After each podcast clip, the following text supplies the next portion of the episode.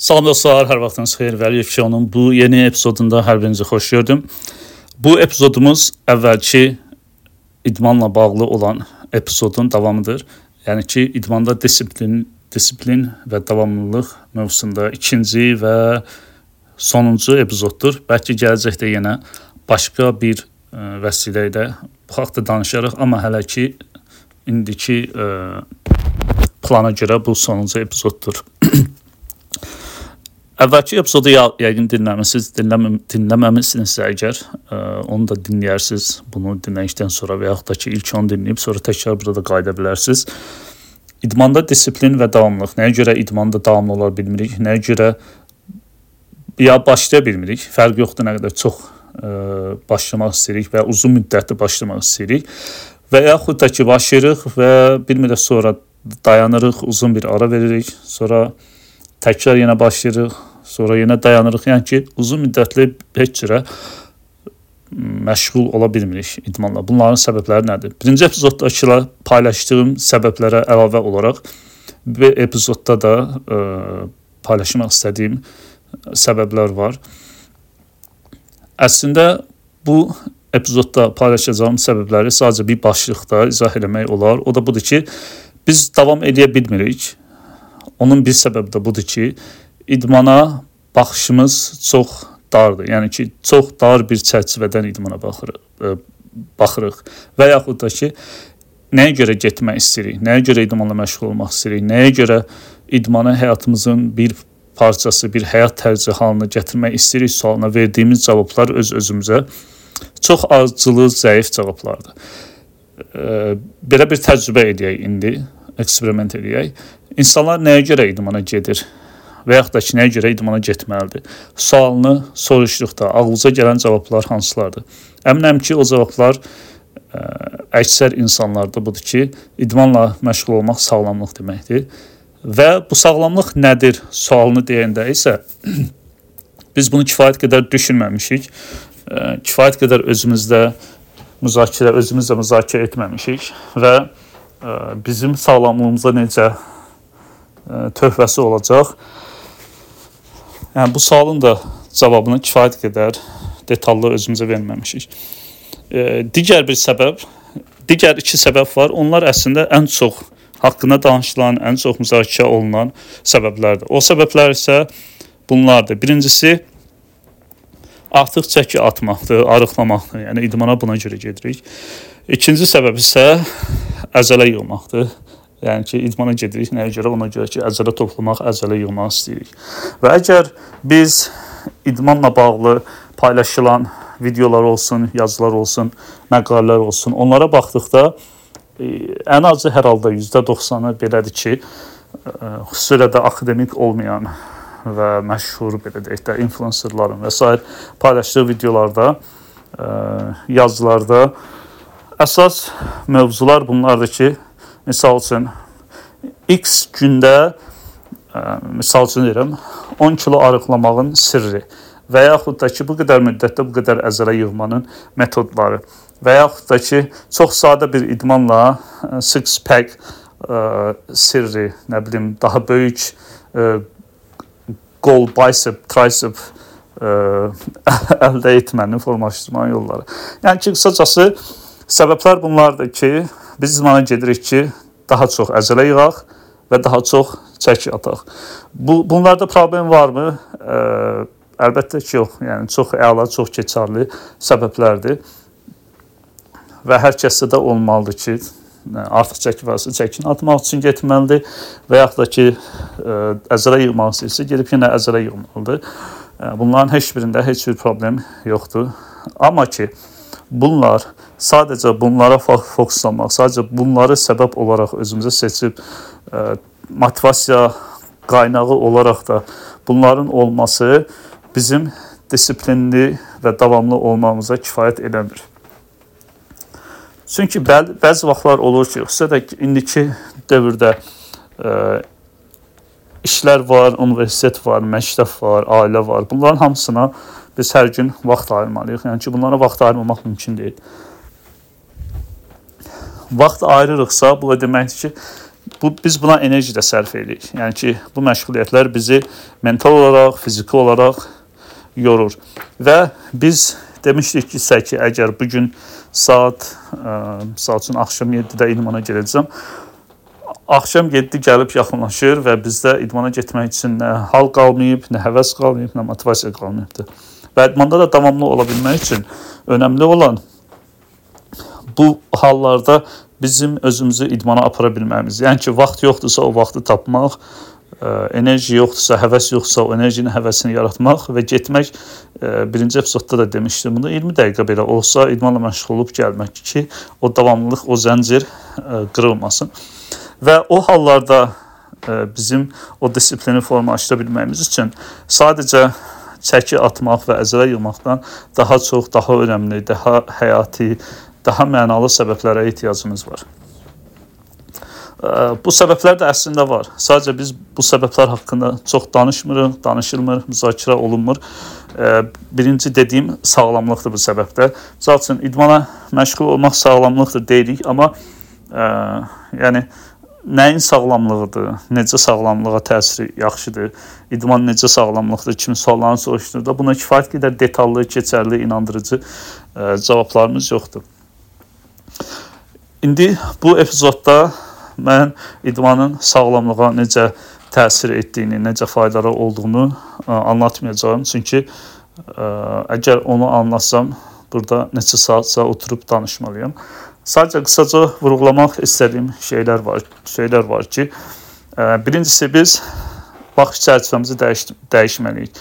Və idmanla idman idmana getmək birinci ə, misal üçün mənim özümdə ə, o getmək istəmədiyim vaxtlarda, ə, getmənin mənasız gəldiyi vaxtlarda ki, böyük ehtimal sizdə də olur.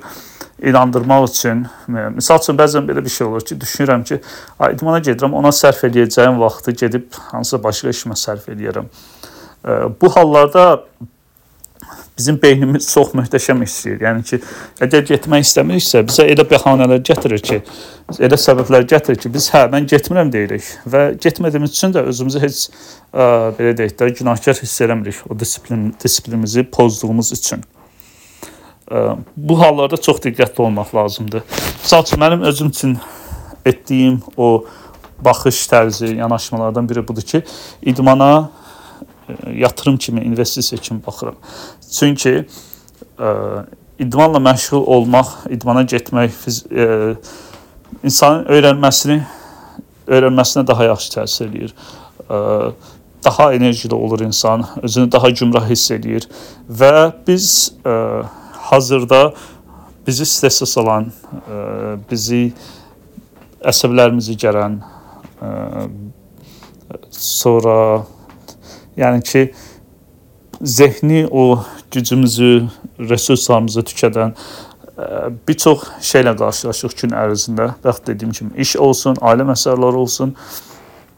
Bunların hamısına qarşılaşırıq və indi məsəl üçün Amerikada bu belə bir şey var və çox müzakirə olunur. İndi bizdə Azərbaycanda nə qədər elədir, elə deyil bilmirəm. Ki bu depressiya, stres olan insanlar və ona qarşı dərman içən insanların sayı həddindən artıq çoxdur. Və belə bir şey var ki, bu cür dərmanları e, qəbul etmək birincisi o dərmanda asılılıq yaradır çox hallarda, ikincisi yan təsirlər var, ciddi yan təsirlər var. Üçüncüsü nə qədər çox edirsən, o qədər belə deyək də o həll etməyə çalışdığınız problem nədirsə, dərmanla o onu həll etmək getdikcə daha da çətinləşir. Amma idman belə bir şeydir ki, o o dərmanların bizə verdiklərini idman da verir. Heç bir yan təsiri yoxdur. Ə, həkimə getməyə və sadə ehtiyac yoxdur, pul xərcləməyə də ehtiyac yoxdur. Xərcləyəcəyimiz pul sadəcə zala aylıq ödəyəcəyimiz puldur. Əgər onu da vermək istəmirsinizsə, zala getmədən də idmanla məşğul ola bilərik. Bunu da əvvəlki epizodda paylaşmışdım. Dinləyə bilərsiniz. Yəni ki, şərt deyil ki, mütləq zala gedək. Digər bir səbəb yəni sağlamlıq mövzusunda odur ki, bizim psixoloji stabilliyimiz, o psixoloji vəziyyətimiz daima yaxşı olacaqdır, daima yenilənəcəkdir, daima qorunacaqdır. Digər bir səbəb koqnitiv, o zehni ə, e, olaraq yaşlanmanı ciddi ölçüdə yavaşlatmış olacaq. Ondan sonra ə, e, Yəni ki, zehnimizə faydası var, psixologiyamıza faydası var, ürəyimizə faydası var, immun sistem immun sistemimizə faydası var. E, yəni ki, tam bir e, şəf şəfalı bitki kimi bir şeydir idman. Yəni idmanla məşğul olmaq. Sadəcə ə, bir şeyə belə deyək, azsa idmanla məşğul oluram, bu sağlamlığım üçün yaxşı deməkdir. Özümü yaxşı hiss edirəm, sağlam hiss edirəm. O yəni o qədər sadə deyil, daha genişdir, daha detallıdır. Ə, daha belə deyək də şaxəlidir. Və biz bunu nə qədər çox o səbəbləri bilsək, nə qədər ə, bunu bu səbəbləri idmana getməmizə əlaqələndirə bilsək, bizim o davamlılıq üçün ehtiyacımız olan o getmək istəmədiyimiz, ə, bu gün qalsın sabah edərəm dediyimiz anlardakı o motivasiyanı, vaxtı, həvəsi tapmamıza ə, kömək olacaqdır. Onu bir növ qarant ə, qarantiləmiş olacaqdır. O, yəni ona görə də o dar çərçivədən çıxıb ə, misal üçün hətta daha da geniş genişlətmək üçün ə, deyə bilərik ki, misal üçün bəlli idman növləri var ki, ə, hansısa bəlli sağlamlığında problemi olan insanlara kömək edir. Ə, yəni ki, yaddaş, ADHD, ə, fokus, konsentrasiya bu bu mövzuda çətinlik çəkən insanlar üçün bəlli idman növləri var. Nə bilim, ürək ürəkdə problem olanlar üçün bəlli idman növləri var. Ondan sonra çox stress, depressiya olanlar üçün bəlli idman növləri var. Yəni ki, bunun saysız hesabsız çoxdur. Mən son vaxtlar oxudum yenə bir də ki, əgər idman və sağlamlıq arasındakı əlaqəni daha yaxşı görmək istəyirsinizsə, yəni sırf o sözləri yazıb axtarış edə bilərsiniz və bu bir də son vaxtlar ən çox ə, akademik məqalələrdə ə, çox yaxşı araşdırılır.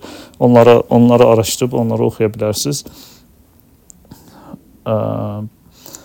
Yəni ki, o əlaqəni görmək üçün və bunları da edərkən əlbəttə ki, güvənilir, etibarlı qaynaqlardan etmək daha yaxşıdır. Siz də bilirsiniz ki, indi hər telefonu olan, internet olan, indi necə ki, mən bu podkast paylaşıram, çıxıb danışır, paylaşır və xüsusilə də idmanla idman influencerlar var hansılar ki, bəlli ə, belə deyək də ə, proteinləri və yaxud da ki, supplementləri və yaxud da ki, ə, çəki atmaqda kömək olan və ya əzələ yığmaqda kömək olan ə, qəbul edəcəyimiz dərmanlar, tozlar və s. var. O, sırf onları satmaq məqsədi ilə ə, yəni yalan, tamamilə yalan olan heç bir doğruluq ə, payı olmayan ə, iddialar paylaşırlar ki, nə bilim bu idmanı məşğul bu idmanla məşğul olub, bu cür məşğul olub, bunları qəbul etsəz, məsəl üçün müəyyən müddətə bu qədər çəki atacaqsınız və yaxud da ki, əzələ yığacaqsınız və yaxud da ki, testosteron səviyyəniz 300-400 artacaq. Bunlar da e, təhlükələrdən hansı ki, buna qarşı da ehtiyat olmaq lazımdır. Əgər kimsə hansısa bir şeyi deyirsə və bu çox yaxşı səslənirsə, əgər çox yaxşı səslənirsə, ə, yəni inanmaq çətin olur ki, doğrudan da belə bir şey varmı? Demək ki, ə, onda onu sorğulamaq lazımdır, şübhə etmək lazımdır. İnanmaq ə, inanmaq lazım deyil. Belə ə, bu epizodda paylaşmaq istədiklərim bu qədər. İndi ümid edirəm ki, faydalı oldu. Ümid edirəm ki, o disiplin, davamlılıq mövzusunda nə isə təsir olacaqdır. Bir də indi yadıma düşən bir şey sizinlə paylaşım. Son vaxtlar mənim bir neçə yerdə qarşıma çıxıbdı ki, bəlli yaşdan sonra biz deyəsən 30 yaşdan yoxsa 35 yaşdan sonra idi. Detallı yadımdan çıxıbdı, amma o yaşlardadır. İnsan davamlı olaraq əzələ itirir. itirir. Ə, hətta onun faizini də yazmışlardı. O rəqəm dəqiq yadımda deyil. Ə, davamlı olaraq əzələ itirir və ə, idmanla məşğul olmaq xüsusilə də əzələ ə, ağırlıq qaldırmaq ə, həftədə 2 dəfə olsun, 1 dəfə olsun və ya 3 dəfə olsun.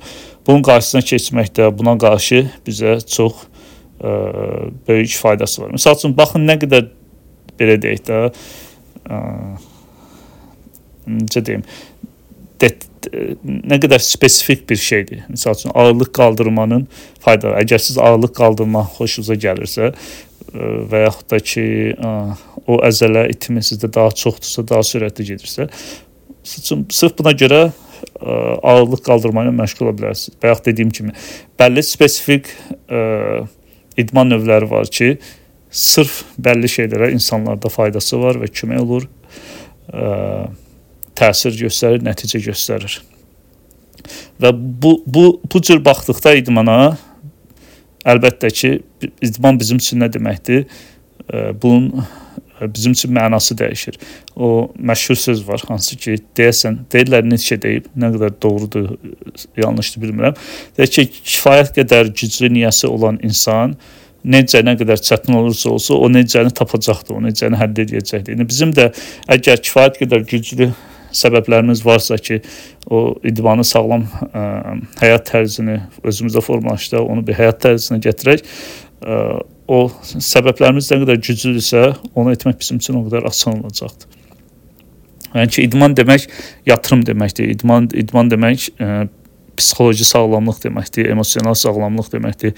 İdman demək yaxşı əhval-ruhiyyə deməkdir. Məsəl üçün idmanla məşğul olub, idmana gedib daha sonra özünü yaxşı hiss eləməyən insan yoxdur. Mən özümdən misal verim. Yəni elə bir gün yoxdur ki, mən gedim idmanla məşğul olum və idman bitdikdən sonra deyim ki, mən niyə idman elədim, gərək eləməzdim.